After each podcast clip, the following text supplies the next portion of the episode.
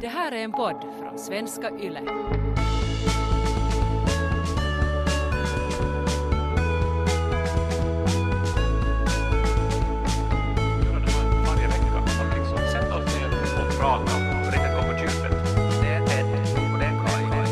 Välkomna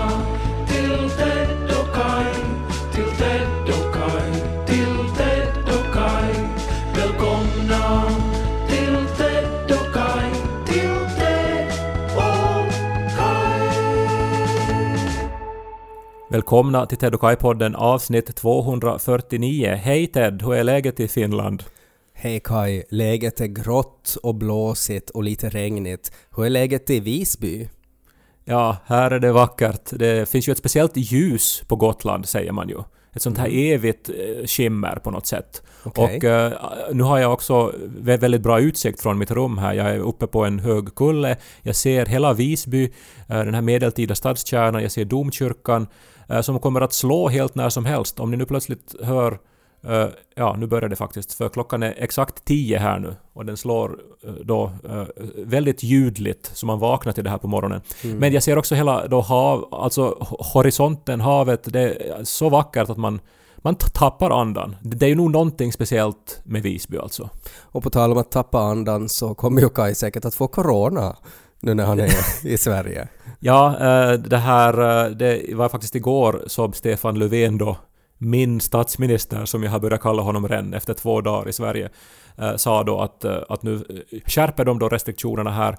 Eh, Max åtta personer får samlas och eh, alkoholförsäljningen på krogarna begränsas. Allt sånt som vi är vana med från Finland. Men här i Sverige har man ju varit ganska lash med coronarestriktioner. Eh, Än så länge är det ingen, ingen som bär mask här heller. Men det är ju också sådär att man vill ju inte, om man ska liksom beskriva en, en doktor, så jag skulle inte vilja att någon skulle säga sådär att ja men gå till den där doktorn att han är lash. att man vill ju nog gå till en doktor som kanske är professionell. Ja, men det är ju nog alltså, jag pratar lite med några andra författare här på, på centret, eh, som eh, då en från eh, Norge och en från Vilnius. Eh, och eh, de var båda två så här lite att vi viskade till varandra att ja, nu är de ju, nu är de ju lite märkliga de här svenskarna att liksom nu först ett halvt år efter hela resten av världen så, så reagerar de då med kraft på det här viruset. Eh, Men eh, här på, på Gotland så måste jag erkänna att jag upplever mig väldigt trygg för här är ju nästan inga människor. Eh, Det är ju en sommarstad det här Visby, man är helt ensam på, på gatorna egentligen. Eh, och när man joggar vid havet och eh, här på centret så vi sitter ju isolerade i våra rum och jobbar så att eh, jag upplever mig väldigt trygg nu. Kör de omkring med såna där um, kärror och ropar att man ska komma ut med sina döda. Jag var faktiskt eh, springande till Galgbacken eh, igår. Och det är ju nog så här, då får få till och med jag så här kalla kårar. Det är som uppe på en backe utanför stan, eller utanför den här muren. Hela stan omgärdas ju av en ringmur. Och eh, eh, där då så, så finns det kvar ännu den här, alltså själva, vad ska man säga, the scaffolding, vad heter det på, på svenska? Alltså själva nå ställningen som de hängde folk i då. Ja. Och så förstår man då att uppför den här backen har de gått och så har de sett den här utsikten och, och så har de, har de blivit uppätna av, av korpar sen när de har hängt där. Mm. Eh, så då kände jag den här medeltida vinden verkligen. Ja. Är det någonstans man ska vara under en pandemi så är det väl i en medeltida stad. För att få rätt pandemifilis. Så är det. Det är viktigt att ha rätt files och kanske extra viktigt i den här podden för att eh, nu har det blivit dags för Frågepodd 2020 numero uno. Vi har ju sagt att, att avsnitt 249 och 250 ska ju vara eh, Frågepodd och vi har ju fått en massa frågor av er, alltså eh, sådana som ni har skickat in i Ted Kajs omklädningsrum, sådana som ni har e-postat, sådana som ni har eh, skrivit på Kajs Instagram eller skrikit åt oss när ni har träffat oss på gatan. Eh, och alla de här frågorna så har vi buntat ihop i tre olika kategorier så att det ska vara lättare eh, att, eh, att plocka ut de här. Och eh, de här kategorierna är då lätta frågor, svåra frågor och frågor som enligt Kai Korkeaho är dumma. Ja, eh, jag skulle ha föredragit att bara säga dumma frågor. Det skulle ha varit också väldigt språkligt snyggt att det är lite lätt och svårt och dumt. Men Ted ville absolut inskjuta att det var enligt mig som de var dumma. Och nu menar jag ju inte... Alltså, Eh, missförstå mig rätt kära lyssnare, jag menar inte att det är dåliga frågor utan det är frågor som är så här tänkt att vara lustiga mer. Och då eh, får man väl säga att de är dumma. Det är ju också nog den det mest korkade och överanvända pedagogiska lögnen det här att det inte finns några dumma frågor. Klart det finns dumma frågor. Ja, nej men alltså det, det, mm, det beror från situation till situation. Men att även, även de här lustiga frågorna kan ju ha, eh, kan ju leda till intressanta tankar ändå. Eh, Men att vi, vi har ju ändå med de här frågorna då, men att Kai var, det vill vara noga med att vi ändå ska sätta den här etiketten på dem. Eh, Och sen har jag skaffat en sån här mongolisk kopp eh, som jag har en liten tärning i så att jag kan slå den här tärningen och så låter det så här. Oj. Ja, det låter som att man har just valt en påve. Eh, och, eh, och sen har jag tänkt då att eh, om man får en etta eller sexa, då tar man en dum fråga. Får man en två eller tre, då är det lätt fråga och är det fyra eller femma så är det en svår fråga. Så att vi, vi, vi låter liksom slumpen avgöra vilka frågor som, eh, som vi tar ställning till. Ja, det låter ju också, eh, det där ljudet av den där påveklockan, så det låter ju som att det är någonting andligt, att det är universum som frågar, eller Herren. Ja, men så tycker jag vi ska behandla alla de här frågorna också, som att de är direkt inskickade av Gud. Ja. Men ska vi då eh, köra igång här? Först får Daniel Häggman säga sitt.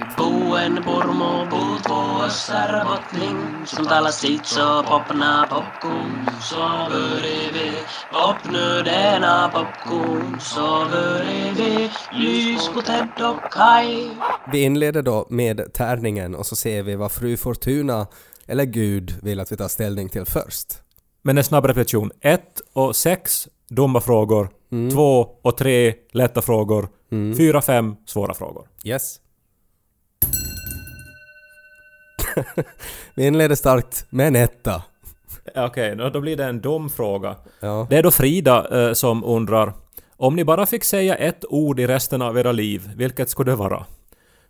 Ja, egentligen är det ju inte en så dum fråga. Alltså, Nu kan är du ju- inte, Kai, Kai, nu kan du inte börja ta tillbaks det här. Jag menar- Det var väldigt viktigt för dig att vi skulle ha den här kategoriseringen av att det finns dumma frågor, eh, det finns dumma människor och att ska man... Va, måste man nu svara på allt? Nu menar jag ju inte att Frida skulle vara dum på något sätt. Jag, jag, jag tänkte bara att det här är ju som inte en så här seriös fråga. Men när jag nu tänker efter, så det här kommer ju ändå att avslöja en del om oss som människor nog. eh, Beroende på vilket ord vi då väljer. Eh, men jag, jag kommer att säga ordet nej. För att det har, det har tagit länge att lära sig att säga. Och det är väldigt värdefullt. Sen kan man väl nicka ibland om man inte vill säga nej. Men eh, ordet nej, eh, eh, ta, ta denna läxa till er alla som lyssnar. Lär er att säga nej. Jag kör väl på, på mitt så här finska go-to-ord att för mig så skulle det vara ninpä. Uh, alltså som är ett så här utfyllnadsord som ungefär betyder eller vad, vad man ska säga. Men det är så ord som funkar i alla situationer och, och jag använder ändå bara det ordet och, och det är så jag liksom klarar mig i den finska vardagen. Så att om jag inte skulle eh, få använda det ordet så då, då, då, skulle, jag, då skulle jag inte kunna funka. Niinpä. Vi tar nästa fråga då. Nummer två. En lätt fråga. Eh, då ska vi se här. Eh, det är Nina som frågar Vem känner ni er mest lik av karaktärerna ni spelat? Eh, Är, nu är, det, antar är det jag- en lätt fråga?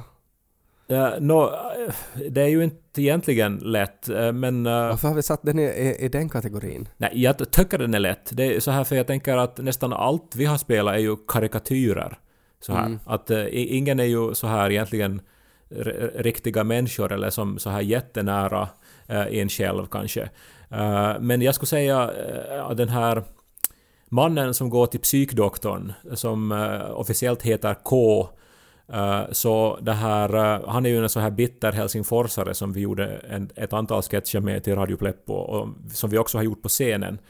Och det är ju jag som gör honom och han pratar så här och han har ofta en sån här det är fingerknäpp och en sån här bas i bakgrunden som det blir nästan till en sorts rap. Eh, så honom har jag alltid identifierat mig med. Hans på något vis bättre eh, syn på liksom andra människor och på att livet är orättvist. Jag har svårt nog att hitta någon som jag faktiskt identifierar mig med. Uh, alltså på ett sätt så tänker jag ju på, på Morre och Backlund, alltså på Morre. Att han är, han är liksom sådär, han är, han är lätt att liksom gå in i för att han pratar ju precis som jag. Uh, men, men samtidigt så kan jag ju nog inte identifiera mig med hans värderingar och åsikter.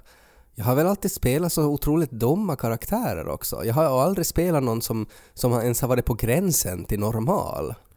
Ja, men du är ju bra på såna här, alltså eh, röster som med bara på något vis ett par ord liksom genast befäster att det här är en galen människa. Eh, Så jag tänker det här din go-to tantröst eller din go-to myndig man rektorröst liksom. Ja. Det är som eh, genast blir det på något vis så här karikerat. Ja. Och så ska det ju vara. Ja. Jag kanske sjunker in i Murri lättast, men att jag identifierar mig inte med honom. Men det här tråkiga svaret är väl säkert eh, den som, som då har varit mest lik mig, så har väl varit alltså karaktären Ted från Radio Pleppo. Ja, vi var ju väldigt, eh, båda två spelar ju någon sorts versioner av oss, men de var ju Mm. väldigt Kalle Anka-ifierade på något sätt. De var väldigt Kalle Anka-ifierade, men att, att det var ändå kanske... Jag, jag är väl ändå på något sätt... Det finns en start i mig nu som, som är ganska Kalle Anka. Är inte något avsnitt av Ra- av Radio Pleppo när vi hamnar i Nangiala och så går du med i Tengils armé och börjar döda människor? Mm. Du liksom dras med i det här. Ja, att jag så bara tänka på nu. Ja, att jag så här lätt eh, en viss form av auktoritet tilltalar mig. Eller en sån här medeltida auktoritet med spjut. Det är kanske det som tilltalar mig, för då är det så lätt. Världen är så svartvit och om Tengil säger att nu ska du sätta spjutet in i den där höskullen, så då gör jag det. Ja, du är som en streber när det handlar om spjut. Det vet jag inte vad det betyder. Streber är en som, som strävar uppåt, en opportunist som, som på något sätt eh, liksom gör allt uh, hen kan för att fjäska för, för sina överordnade för att få makt. Tänk det, ur en sån här lätt fråga så lärde vi oss alla en ny litteraturterm. Streber är ett helt vanligt svenskt ord. Nummer ett, en dum fråga. Blir det inga... Ja, okej. Okay. Den här har jag placerat i, i, i, i den här kategorin. Eh, det är alltså Kalle som frågar Vet Ted om att han ingalunda är helt omusikalisk? Varje gång han nunnar på någon melodi så kan man klart urskilja vilken melodi det är frågan om. Dessutom håller han rytmen bra. Varför Ja, tack satt, Kalle, det var ju en dum fråga. ja, men varför har du satt det där i dum frågekategorin? Ja, men Kalle har väl hört dig nunna några gånger. Jag har ju bott med dig och levt med dig, så vad ska Kalle komma här med som någon sorts moto, eh, så här professor då och påstå att du eh, inte skulle vara totalt omusikalisk? Tänk om det är så att jag är egentligen ganska musikalisk, men att under alla år som jag har umgåtts med dig så har du liksom tutat i mig att nej Ted, du är totalt omusikalisk. Eh, Vad skulle jag och- ha för orsak att göra det? Det är ju bara dåligt för oss i så fall. Nej, inte vet jag, något så här, som något bak och fram Munchausen syndrom eller någonting. Du har ju gjort små framsteg nu. Det var ju, nu är det ju några år sedan vi spelade teater senast, men då lärde du dig att spela måne och sol på orgel. Ja, Men det var ju Det- nog alltså månader av träning var det ju. ja. Och, och, och ångest än idag så kan jag liksom vakna svettig på natten eh, för att jag har glömt hur jag ska hålla fingrarna. Ja, och det var ju inte så här att du lärde dig melodin utan du lärde ju dig ordningen man skulle trycka på tangenterna liksom. Ja, nej, men som en papegoja lär sig att prata ungefär. Men det håller jag nog med om att, att, att rytmiskt är du ju helt, helt habil nog. Och sen har du ju ganska bra musiksmak. Det är ju inte samma sak som att vara musikalisk. Men du identifierar ju nog att det här var en, en bra låt. Men är det det då, att mina föräldrar borde ha tvingat mig eh, att gå med i någon kurs, alltså att lära mig något instrument? Skulle jag idag vara musikalisk då? Ja, ingen vet. Eh, Du valde ju själv att spela didgeridoo. eh, Mm. Men jag vet inte vilken klass av talanger det hör. Är det mera Men- då rollspels eh, ivern eller, eller musiklust? Nej, det, var, det är väl, det är också oklart för mig varifrån det kom liksom det här på något sätt ändå en strävan efter att lära sig eh, så här cirkulär andning eh, och, och, och kunna spela didgeridoo. Det var väl kanske för att det är ett så här instrument som jag på något sätt upplever att man inte behöver vara musikalisk för att kunna spela, utan att det ju du gör är ju att du skriker i ett rör och hyperventilerar samtidigt. Och jag tänker att men det kan jag ju kanske bli bra på. Man blir ju också bättre på att ge blowjobs om man är bra på cirkulär andning. Hur är det då om man skriker samtidigt som man ger blowjobs? Alltså där att du gör såna där Alltså att när du är en didgeridoo så gör du ju... Att kan man, kan man göra så samtidigt som man ger blowjobs? Säg.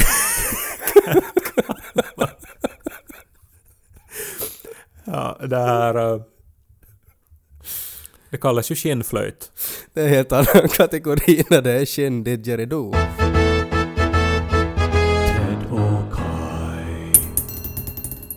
Fyra. En svår fråga. Nåja, eh, här är du då... Egentligen är det två som har frågat ungefär samma sak, så jag slog ihop dem här nu då. Eh, Sara frågar ”Har Ted ännu hund?” och Carolina frågar eh, vad, “Vad har hänt med Teds hund?” Förutsatt att den lever och mår bra kan den väl hjälpa till och skrämma bort ekorren? Ja, det är länge sedan jag har pratat om Ronja. Eh, och eh, det har ju en väldigt tydlig orsak också. Det är för att Ronja bor i Pargas för tillfället. Och det är ju någonting som har varit jobbigt eh, och någonting som, eh, som har väl alltså flera orsaker. Eh, delvis är det ju det att hon är ganska gammal, hon, hon är 14 år. Och, och sen var det kanske det också att när Lo var liten så, så kom de inte jättebra överens. Alltså att, att um, han älskade att gå fram till henne och tyckte jättemycket om henne men att han rev i henne och, och hon blev rädd och, ehm, och det, var, det var en sån här liksom en dålig kombination för att jag tyckte också så synd om, om henne liksom att, att hon alltid hukade sig när han kom nära. Och han menar ju inget illa men att han var, han var liksom bara så ivrig.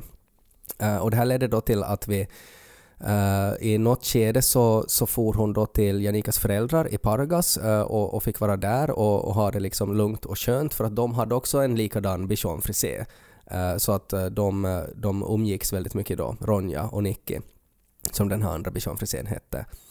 Och sen hände en massa saker. Sen så, så slutade Janika studera och hon började jobba eh, och, eh, och, och, och vi höll på att flytta och hade oss. Och Ronja är väldigt sådär, det är alltid problematiskt när man flyttar för att hon tycker inte om att vara lämnad ensam hemma så att hon börjar skälla och yla.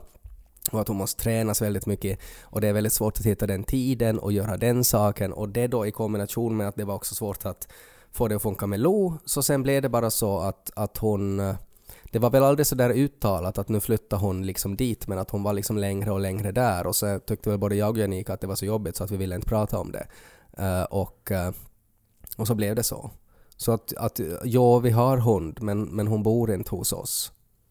Det var väldigt mycket så här, Ronja tyckte inte om, Ronja eh, ville inte så här.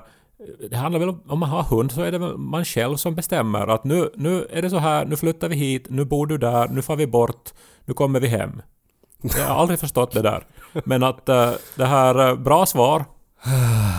Ja, det var, var, var så dumt det du just sa. Men, Ja, den var ju riktad till dig den här frågan så jag ska egentligen hålla tyst men jag kunde nu inte hålla mig när det blev så här uppenbart vad som hade gått fel där. Nämligen att ni lät hunden bestämma. Ja.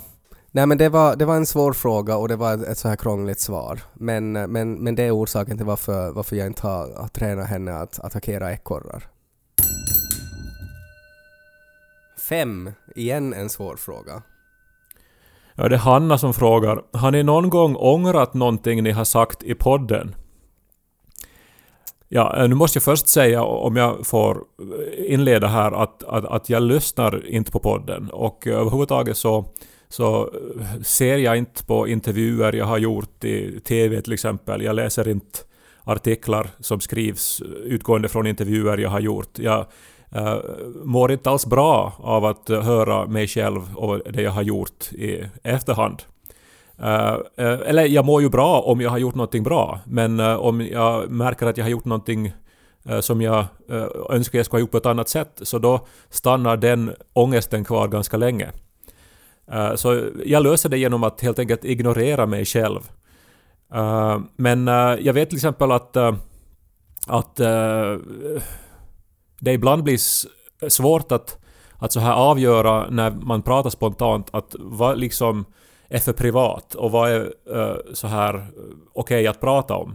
Och till exempel så använder jag ju ofta människor i min egen omgivning eh, som Niko eller mina föräldrar eh, pratar om vad, vad de har sagt och gjort och de är ofta helt okej. Någon gång så har jag kommit hem och så har jag sett att Niko har en sån här, sån här lite eh, besvärad eh, min. Och eh, då är jag alltid så här att ah, har du lyssnat på podden? Han har sin besvärade jag har lyssnat på podden min. Och eh, det här, då kan det vara då att, jag, att han upplever att jag har framställt någonting som har hänt på ett lite no, tillspetsat sätt eller någonting. Jag minns till exempel en gång pratade jag om att han höll uh, teckningskurs hemma hos oss. Och det var alltså nakna modeller hemma hos oss. Och eh, då, då var han efteråt så här lite besviken på att jag hade fått det att låta som att han höll på med någonting suspekt. Och eh, det hade han ju kanske rätt i. Att jag tänkte att det här blir en mer mera intressant historia om jag lägger in ett element av att det var kanske lite suspekt. Eh, Fast det förstås bara handlar om att Niko är ju alltså utbildad eh, konstmagister och är ju väldigt bra på att eh, teckna. Och, och man tecknar ju ofta levande modeller. Och inte Och var det det- mer än så. Och att fönstret var uppe och det blåste så mycket så kläderna blåstes bort. Ja, nej men, men så inte vet jag om man ska säga ångra då, men uh, ja då, alltså någon, någon gång är jag, Uh, för okej, jag lyssnar ju faktiskt på podden innan den publiceras. Men uh, det gör jag mera för att se så att Ted har till exempel klippt bort uh, stamningar och sånt rätt. Uh, och uh, då kan jag ju märka att aj nej men där borde jag ju ha sagt så här, eller där så fanns ju ett, ett upplägg för ett skämt som jag missade i stunden. Sånt kan jag ju ångra.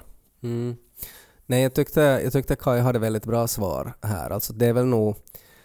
Om man ångrar någonting så är det väl kanske just det där. Alltså att man, man upplever att nej men nu har, jag, nu har jag gjort någon jag tycker om besviken. Uh, alltså för att det här är ju bara, jag menar det här är ju dina åsikter och mina åsikter och inga andra ryms med.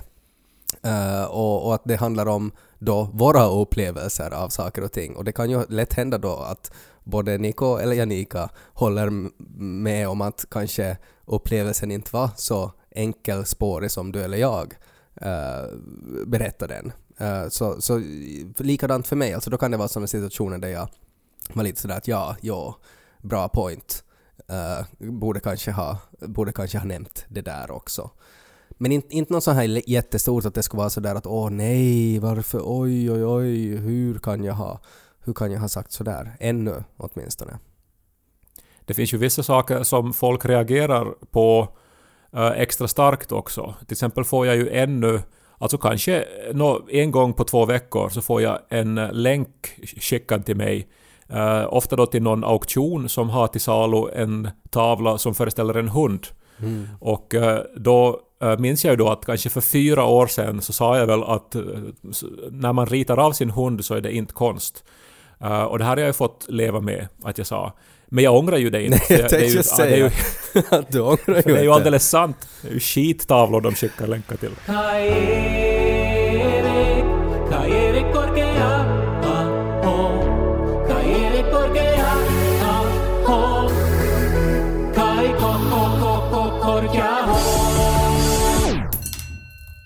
Nummer tre. Vad betyder det då? Det var en lätt fråga. En, en lätt fråga. Just det. Eh, och eh, saknar ni Österbotten? frågar Carolina. Och i så fall, vad är det ni saknar med Österbotten? Eh, jag svarar nej. Och, och, och, Och vad är det du inte saknar? nej men alltså inte det är ju som alltså att man har flyttat till Nya Zeeland eller någonting. Alltså man är ju, jag är regelbundet till Österbotten ändå. Och skulle jag sakna Österbotten skulle jag väl vara där ännu mer. Men inte vet jag. Eh, Helsingfors är, är mitt hem sedan många år och det är ju snart 18 år sedan jag har bott i Österbotten. Och, och eh, jag ska dit nu till jul igen och, och det ser jag fram emot men, men, eh, men allt som finns i Österbotten så upplever jag ju ändå att jag på, på något sätt har kvar. Alltså det, det är ju som inte att bara för att jag bor i Helsingfors så skulle jag inte ha någon, någon eh, kontakt dit. Absolut Nej. inte. Nej, jag tror alltså det här tråkiga svaret är väl nog att eh, jag, jag håller delvis med Kai. Eh, kanske, jag, jag kanske har insett sen jag blev förälder att det ju nog finns fördelar med Österbotten som man kanske inte tänker på innan man har barn. Alltså med, med sådana där vissa Vissa, vissa saker med kanske till exempel med eh, att det så här mysiga små skolor och, och, och så här man, man klarar sig med svenskan och närmare till till farföräldrar och, och sånt där. Som, som ju kan vara någon gång sådär att ja, men nu skulle ju kunna vara, nu skulle ju kunna vara kiva det också. Eh, men, men annars så håller jag med Kai. Alltså Österbotten finns ju kvar och eh, man, man är dit ibland och då, då är det helt roligt. Och sen är det också roligt att komma hem. Alltid då och då så dyker det ju upp såna här bostadsannonser med hus till salu. Mm. eh, som är som nästan gratis och helt så här löjligt fina. Och då kan jag ju känna ett ögonblick att ja, nu är man ju dum som inte köper det där huset. Mm. Eh, och istället då bor kvar då på sina ganska trånga kvadratmetrar. Ja. Men eh, de känslorna bru- brukar gå om nu. Mm. Det där lät som en kassaapparat mera än en sån här andlig eh, mongolisk skål. Ja, men det är de här mongoliska skålarna, de har skojiga ljud. Eh, nu blir det nummer två, en lätt fråga. Nå, det är Johan som ställer en fråga till Ted. Ted, har du lyckats säkra en PS5 till release? Eller har ni i Finland blivit lika dragna vid näsan som oss i Sverige av återförsäljarna?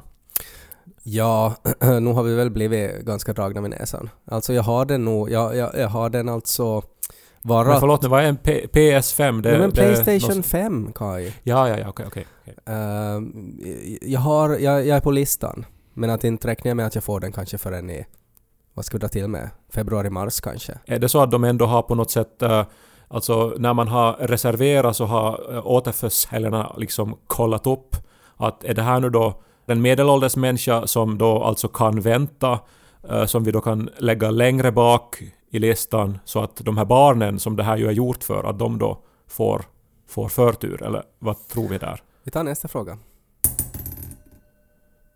En etta. En dum fråga enligt Kai Korkeaho. Vem av Ted och Kai skulle vinna om ni skulle brottas? frågar Vincent. Mm. In, Eh, intressant fråga. Alltså här är ju... Kai har ju alltså räckvidd, alltså för att han är ju lång, men sen är han ju så otroligt dålig på jumpa när han saknar anlag. Så att jag tror ju inte att det skulle, det skulle inte liksom krävas mycket innan Kai skulle, skulle, skulle ge upp helt enkelt. Ja, eh, jag brottas ju och kramas och rör i många av mina manliga vänner, men inte med Ted. Nej. Vi har nog aldrig bro- brottats tror jag. Nej men det, jag, tror, Ja. jag tror att jag liksom också, jag har inte alltså belägg för det här men jag har en, en sån här känsla av att jag tror att jag skulle vara så bra också i en sån här brottningsmatch så att, eh, att jag skulle inte liksom kunna hejda mig. Alltså att jag skulle, jag skulle direkt alltså eventuellt ta livet av den jag brottas med. så att, att därför så, så kan jag inte göra det för att det är för farligt helt enkelt. Alltså att det, det, är, så, vet du, som, det är som att lille Skutt skulle liksom brottas med en dunderladdad Bamse. att, att, det, det är liksom... Klart att Att du liksom inte har kontroll över dina krafter. Nej men jag liksom, utan tror, att- jag tror att, jag, jag, liksom, att jag är liksom så bra på att hitta de här, eh, de här, eh, vad ska jag kalla det, alltså de här, de här Street Fighter special moves. Ja, men just de här svaga punkterna. Att, att just att jag, skulle liksom direkt sätta, sätta tummen in i båda ögonen liksom och, och då skulle det inte vara brottningsmatch som mer. Jag skulle inte liksom kunna hindra de här instinkterna. En intressant fråga. Jag brottades ju med pappa när jag var barn och eh, det gjorde tror jag alla bröderna Korkeaho. Mm. Eh, har du och Lo uh, brottats och tror du att ni kommer att ha en sån här brottasrelation? Det är svårt att säga. Alltså, han är ju, nog, han är ju väldigt fysisk och sådär att, att han när som helst kan göra en så här full suplex mot en. Eh, men att jag har ju kanske inte eh, sett mig som en, en sån där pappa heller som är sådär att nu ska vi brottas. Hmm, intressant. Jag, jag upplever ju nog att jag kanske skulle vilja ha en sån relation att, att vi skulle kunna brottas. Men att eh, det är väl nog likadant där också att, att jag skulle alltid vara rädd att, att när den här instinkten, när det här liksom bärsärk, när det blir rött framför ögonen. Sista gången jag brottades med pappa så bröt pappa ett revben. Det är faktiskt helt sant. Och eh, där var det väl då kanske ett, tecken på att nu är jag för stor för att brottas med papp. Var det då när du kom hem med Nico första gången?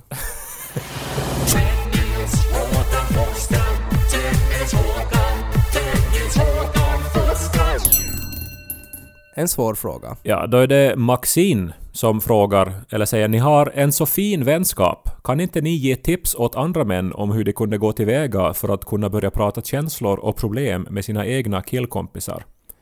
Ja, jag vet inte. För mig är det ju Eh, så här att, att jag vet inte vad man annars pratar om, om inte om, om det som man tänker på. Eh, alltså, jag förstår ju att, eh, att det inte är kanske med allihopa som man öppnar upp sitt innersta. Det gör ju inte jag heller, men överlag blir jag nog trött på, på samtal som inte är viktiga, eller som, som inte går liksom till det som känns svårt.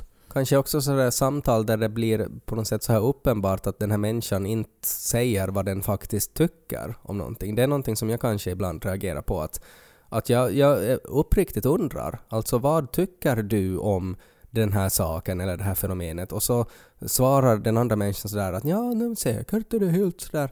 Alltså att man, man, man, inte, man, man inte kan ta ställning till någonting för det tycker jag är är viktigt i en diskussion. Alltså att man måste kunna säga att om, om jag tycker att någonting är skit så då vill jag kunna säga det eh, och, och kanske också bli utmanad att ja men varför tycker du att det är skit? För det är ju inte det. Ja, eh, det, alltså den här frågan som jag vill understryka att jag tycker att är jättebra och viktig, eh, men på något vis verkar ju som insinuera att det skulle, finnas någon sorts trick eller någon sorts hemlighet. Eh, och, och det finns det ju inte, alltså det är ju nog bara att prata. Alltså, och då menar jag inte att, att det är enkelt, men, men att man måste ju bara göra det. Man kan ju Eh, kanske fundera på alltså orsaken till varför man inte skulle prata. Att om, om man då utgår från, eftersom frågan är ställd då, alltså att det inte är en självklarhet, så då kan man ju fundera men vad, är det, vad, vad finns det för blockeringar? Och en sak som jag kanske tänker på där är ju någon form av, av liksom trygghetsaspekt. Alltså att jag upplever att jag inte är trygg att diskutera om man mår dåligt eller annars känslor med någon annan för att man är rädd att, att att det här sen liksom används emot mig eller någonting. Att, att det är ju kanske en sak, att, att man måste ju man måste ju hitta någon som man är trygg med att prata djupa saker om och, och, och då först kanske man kan börja prata om sådana saker. Ja, och att dela saker är ju jätteviktigt, att man gör saker tillsammans. Saker som kan vara väldigt svåra. Eh, så här som kan vara skrämmande också. Jag vet inte, en grej till exempel nu att, att som, eh, som, som eh, till exempel har fört oss ihop är ju att vi har arbetat ihop och, och gjort eh, exempelvis teater. Och att eh, alltså en sån här process när man tillsammans gör någonting som är som har en oviss utgång och man är nervös och man är stressad och man... Eh, alltså alla känslor är liksom på ytan. Så eh, sådana eh, processer för ju en absolut närmare varandra. Ja, för då så, så får, ju sån här som artighet tas ju bort också där, för att då finns det inte rum för det, för att man har kanske, man är kanske så stressad eller man, det är sån deadline på det så att man måste vara sådär att nu, nu, nu liksom att fuck you, nu måste vi ta ställning till det här. Och att ha en sån relation till någon så kan ju också vara skönt, alltså att det, det inte finns det, äh, att den andra inte blir ledsen över att man säger på ett visst sätt. Sen så har ju olika vänskaper har ju olika språk tror jag också. Att inte är ju det enda sättet att ha en fin vänskap det sätt som jag och Ted har det på. Jag tror nog också som att man kan sitta tysta i en båt och meta en hel dag och ändå ha en jättefin vänskap. Eller att man kan spela fotboll tillsammans och liksom ha en fin eh, vänskap. Men, men Och kanske också den här aspekten alltså av att om du aldrig har pratat känslor, om du aldrig har pratat djupa saker med någon, då kan du inte bara börja så här direkt, utan du måste också lära dig hur du pratar om sådana där saker. Alltså att man, det, det, det, som allt annat så det, det är ju någonting som man, man lär sig. Alltså att, att det är också svårt, alltså att om, om du är vuxen och har aldrig pratat om annat än väder, och sex och fotboll, så är det svårt. Alltså ens att formulera sina tankar. Alltså att man, man blir ju väldigt lätt frustrerad om du inte har verktygen för att få, få ut det du känner. Så det är också någonting man måste beakta, liksom att om, om, om, om du eller någon, dina vänner eller någonting, att du skulle ha en sån relation till någon att hej nu ska vi prata mer öppet, så då måste man kanske börja med baby steps. Alltså att man kan inte, man kan inte liksom direkt hoppa på djupt vatten. Jag minns helt plötsligt nu att, att när vi var tonåringar så um, umgicks vi ju Uh, och då minns jag att du var typ den enda av mina vänner som jag inte pratade om sex med. Att vi, vi på något vis undvek det ämnet. Eh, det rättades ju till sen att, jag menar, sen började vi prata om allting men, men jag menar Sen att, startar vi en podd där vi pratar om det. men jag menar bara alltså att det var ju inte som att det här bara uppstod från ingenstans att vi var helt öppna med varann och så här utan det är ju någonting som har växt fram verkligen. Mm, mm. Varför pratar vi inte om sex som tonåringar? Nej, jag funderar också på det där, men det var ju på något sätt... Alltså jag var ju... Jag, jag visste ju just och just vad det var eh, och inte hade jag ju några flickvänner eller någonting så att det var ju också någonting som jag kanske upplevde som lite skämmigt. Alltså sådär att, att nej, jag, jag utgick från att alla hade eh, otroligt mycket mer erfarenhet än jag så därför ville jag inte vara i en sån situation att det skulle, det jag skulle bli avslöjad som den nörd jag är. Och sen var det väl också, jag menar det är ju också sån här liksom ett karakar-beteende att att prata om sex sådär i pojkgäng. Och jag, jag har aldrig egentligen gjort det. Jag hade aldrig något sånt pojkgäng. Eh, så det var kanske också en orsak till varför, varför vi inte gjorde det. Jag var väl också rädd att du skulle avslöja mig som gay kanske. Mm. Om jag skulle börja prata om vad som är attraktivt hos kvinnor till exempel. Mm, jag pekar ut, någon snygg tjej går förbi och jag säger åh, wow, såg du hennes? Och så fyller du i axlarna. Nå, någonting åt det hållet. Nummer tre, en lätt fråga. Ja, det är Sonja som frågar vad hände med frågorna ni samlade in under poddturnén? Ja, det är lätt. Jag letar efter dem, men jag hittar dem inte. Eh, det stämmer att vi samlade in en massa frågor som vi aldrig hann svara på och vi hade hoppats nu att vi skulle kunna svara på en del av dem i den här frågepodden, men jag hittade dem inte. Nej, alltså vi har, jag har kikat en massa mejl åt en massa människor som är involverade i den här turnén och ingen vet var de är. Jag är ju så gott som övertygad om att eh, de har getts åt Kai Korkeaho som har satt dem på, på, på något ställe Eh, och nu hittar Kai inte dem. Det är lätt att skylla på bögen på Gotland.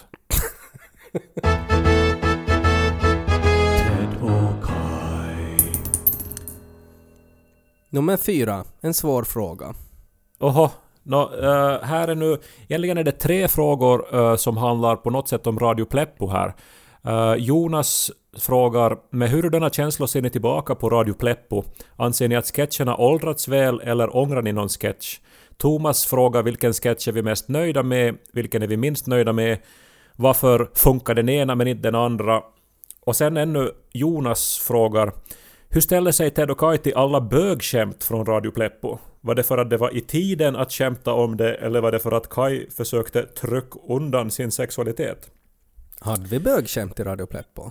Ja, det tänkte jag också. Vad var det för någonting då? Alltså, jag tror vi använde ordet eh, homo eh, så här som, som eh, ju ofta används som ett sorts eh, skällsord. Så använder vi i- ironiskt rätt så ofta. Ja, alltså i så här opassande situationer för att på något sätt visa hur dumt det var att, att, att bara kalla någon homo.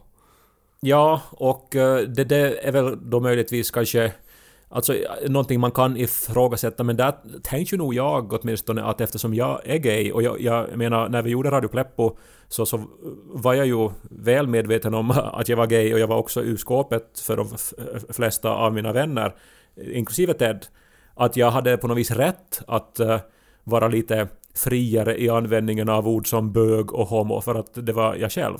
Mm. Men nu minns jag inte på rak arm då vad det skulle vara för sorts bögskämt som, som Jonas här tänker på. Nej, men han får väl precisera den här frågan och så får vi ta ställning till det eh, i ett senare skede.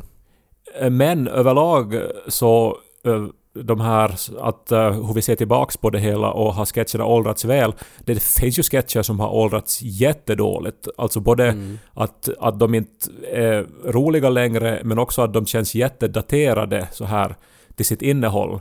Mm. Eh, Det var ju ett, ett annat diskussionsklimat kring många frågor där kring 2006-2007 när vi gjorde Radio Pleppo än vad det är Mm. idag. Ja, och det var ju mycket också som var alltså väldigt sån här eh, trender som var liksom bara aktuellt just då som vi, som vi gjorde sketcher om som, som också av den orsaken inte har åldrats. Ja, absolut. Det finns må många orsaker. Eh, men det är ändå någonting när jag har hört på någonting från Radio Pleppo så alltså hade det kunnat vara så här att ja, humor åldras i allmänhet rätt så dåligt men det är någonting med stämningen i Radio Pleppo som jag ännu kan uppleva att känns så här genuint och lite så här tidlöst. Det, det, det är som en sån här allmän galenskap och absurditet som, som håller på, på något sätt än idag. Ja, alltså jag, jag kan skriva under det där och jag kanske också tror att eller jag är kanske glad över det att mycket av liksom ljudarbetet upplever jag håller idag ännu också. Att det är roliga effekter och det låter kul fortfarande. Och att det kommer man ännu ganska långt med. Med tanke på att det är ju en väldigt gammal uh, serie. Men att den, den låter sådär inte tekniskt så låter den ändå helt okej idag. Ja, och här också när det frågas om favoritsketcher eller vilka vi är mest nöjda med så jag kommer spontant att tänka just på de som är på något vis en sån här ljudhelhet som till exempel de olika reklamerna vi gjorde. Eh, för Pleppo Toys kaffebryggare, Pleppo Cola, Pleppo Toys WC-papper, uh, Pleppo Ma. För att de, de låter eh, vä- väldigt roligt eh, så här. För det är musik och det är effekter och det är speedade röster liksom. Framförallt alltså det här med Pleppo Cola, det, det är någonting i det där också, att den där hysterin alltså att, för jag minns också med det att det var liksom folk som skrek, alltså sådär som torterades, ljudet av folk som torterades i bakgrunden när, när de uppmanade att dricka Pleppo Cola. Och att det var sådär att det gör så ont i kroppen om du inte får den där Pleppo Colan i dig, att du skriker. God morgon Andreas! Ah, god morgon faffa! Ska, ska du ha frukost? Nej, jag vill bara ha någonting att dricka. Nå, här finns apelsinjuice. Nej, men faffa, inte ska jag ha någon juice och det vet du. Nå, guljaffa då. Jag ska inte ha någon jävla guljaffa faffa! Jag ska ha Preppo Cola. Preppo Toy presenterar Preppo Cola. Det är Pleppotoj presenterar Pleppokola. Det är dyrare, ohälsosammare och smakar inte lika bra som andra sorter men det innehåller ämnen som gör att du helt enkelt inte kan sluta dricka. Vilken affärsidé! Haha! Preppo drick Preppo drick drick drick Och sen också med, med Pleppotoys kaffekokare, alltså på något sätt att använda den här kärnfamiljen med mamma, pappa, barn i reklamsyfte så tycker jag är så fint också. När det är väl, det är väl den här Jupiter, eller den här ena som låter så, som, som alltid säger att När mamma kokar kaffe, då smakar det fjärt. Men när pappa kokar, då är det gott. Mamma, finns det kaffe? Ja, visst finns det kaffe. Åh. Äh! När mamma kokar kaffe, så då smakar det fjärt. Men när pappa kokar, så då är det gott. Pappa, är det här min kopp? Ja visst är det din kopp. Tack! Mm. Skillnaden ligger inte bara i att mamma är dum i huvudet, utan mest i att hon använder en vanlig kaffebryggare. Men pappa däremot! Nå pappa använder givetvis Pleppo Toys kaffebryggare. Den är automatisk, sladdlös och kan göra tiotals olika kaffesorter, bland annat cappuccino, espresso och latte, fnatte och chatte. Pappa, jag är så förbannad på mamma för hon kokar så äckligt kaffe. Nå men då fryser vi ut henne. Vi talar inte med Haggan. Vi låtsas att hon inte finns. Ta här en kopp kaffe till. Bli populär bland dina vänner och barn. Gläd dig med riktigt gott kaffe. Beställ Pleppo Toys kaffebryggare. Här ni, kom och äta nu. Hör du någonting vännen? Nej, pappa. Hej, det är mat. Jag tycker det luktar så illa. Ja men titta, någon har ställt fram äckliga saker på matbordet. Hallå, sluta! Kaffebryggare från Pleppo Toy. Och att, att det är liksom en total utfrysning och mobbning av mamman och att de har lämnat det kvar i reklamen. Eh, det är någonting så...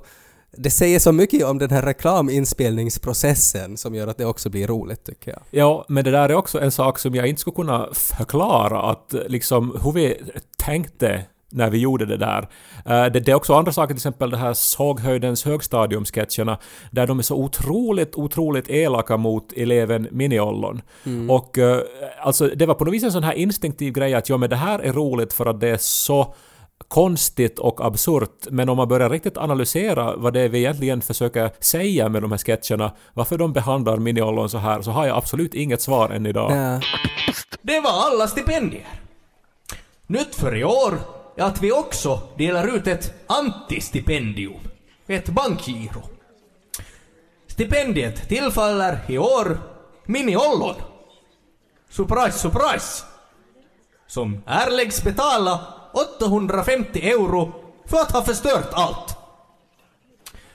I år kan vi dessutom glatt meddela att samtliga elever godkänts och flyttats upp en årskurs. Även Miniollon, som godkänts efter hans föräldrars särskilda ansökan till republikens president Tarja Halonen. Jag skulle vilja kalla det fusk, men av respekt för presidentens vilja kallar jag det bara barnsligt. Och fusk. Nej, jag, jag har funderat på det där också, att är det på något sätt att, att vi upplevde ändå att det fanns mycket orättvisa i världen och att vårt sätt att på något sätt hantera det var att, att, liksom att göra det ännu mer orättvist för att på något sätt belysa att ja, men, så här, sådana här extrema fall av mobbning kan existera eller så här tokiga familjeförhållanden kan faktiskt finnas. Men jag, jag, jag tror inte att vi tänkt på det då, utan att det, det, låter, det är som en efterkonstruktion när jag har försökt analysera det. Men att då, då när vi gjorde det så tyckte vi ju bara att det var roligt, alltså att det kom automatiskt. Ja, och, och vi gick alltid på den där impulsen och det har ju också att göra med att vi inte hade tid att börja analysera och if- ifrågasätta eftersom man skulle göra ett nytt avsnitt varje vecka. Mm. Bland också sketcher som, som, eh, som jag eh, är mest nöjd med så är många av de som var nästan improviserade. Jag minns eh, till exempel en sketch som heter Ace of Base som som, eh, i- som egentligen var bara att vi, vi hade på mikrofonerna och improviserade och så, så började du uh, härma eh, en av medlemmarna i Ace of Base. och, och, och det blev jätte, jätteroligt. Uh, ursäkta, är du ägare till den här vannen här? Talar du till mig? Ja, är du ägare till den här vannen som Talar står du här till borta? mig? Jo. Eh, är du ägare? Ja, jag äger den här vannen. Ja, ja du Det har är min parkerat den... Du, du har parkerat den på invalidparkeringen och för att få göra det måste du, ha ett tillstånd. Hej, hej. Ser jag ut som jag bryr mig? Du har parkerat fel, alltså du måste flytta din bil. Alltså, Vad håller du på med? Fattar du inte vem vi är? Fattar... Men ni har parkerat Han fel. fattar inte vem vi är! No, ni har parkerat fel, alltså, ni Alltså, måste... helt ärligt, helt ärligt. Du känner alltså inte igen mig? Du, Nej. s- s- kolla här. Du känner inte igen mig. Nej, vad, b- borde jag känna det? Vi är för fan Ace of Base. Vi är Ace of Base. Fattar du? Och du kommer här och säger att vi inte får parkera. Vad, vem fan tror du väl att du är? Är Ace of Base. All that you want is another baby. Mm, och du men- står här och du får betalt för att vara så här jävla uppkäftig. Men ni måste flytta er van. Nej, ja, men håll käften nu bara. Håll käften nu bara och så låter du oss gå. Men jag kan inte låta er gå om ni har parkerat fel, det är mitt jobb. Ser du vad det här är? Ser du vad det här är? Det här är en kniv. Det här kallas en kniv. Ta det lugnt, ta Ja, det vet lugnt. du vad jag kommer att göra med kniven? Ta det lugnt. Jag sätter den i magen på dig, så här. Så här går det när man jävlas med Ace of Base. Ja, och sen slutade det ju med, med knivmord. Ja, det var alltid svårt att få till slutet på sketcherna. Mm. Eh, Det kan jag nog erkänna. Mm. Men sen också alltså sketcher som, som, eh, som jag kan uppleva mig stolt över är en sån som heter Mommo bakar ihjäl sig eh, som vi gjorde för Pleppo live. Och en annan sketch som heter Hunden är död Mm. eh, som också fanns i Pleppo live.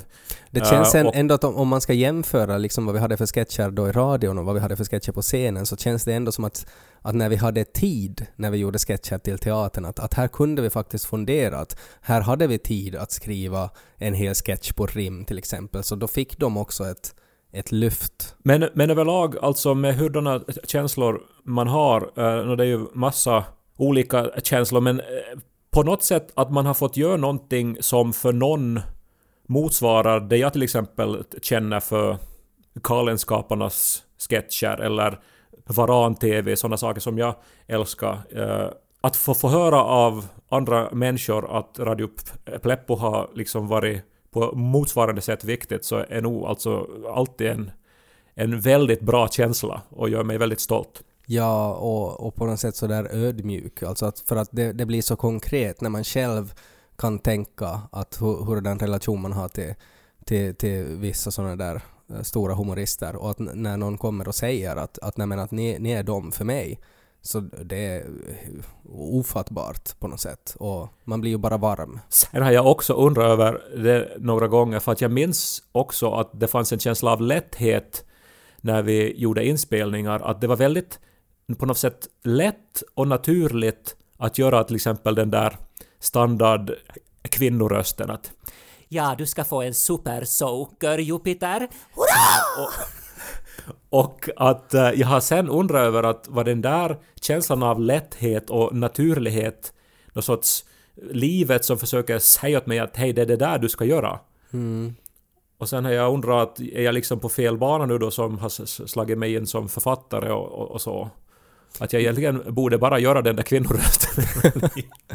Jag tror att mycket kan också ha med det att göra med att vi var, vi var ganska unga och oförstörda då när vi gjorde det.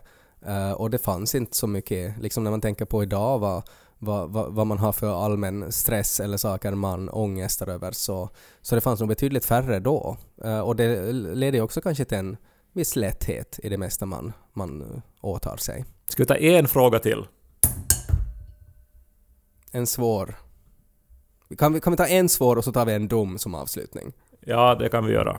Det finns så mycket frågor, men vi har redan pratat nästan, jag vet inte hur länge, jag måste Nej, allt för länge. börja. Vi har hållit på allt för länge redan. Och det här är en fråga riktad till Ted från Kalle.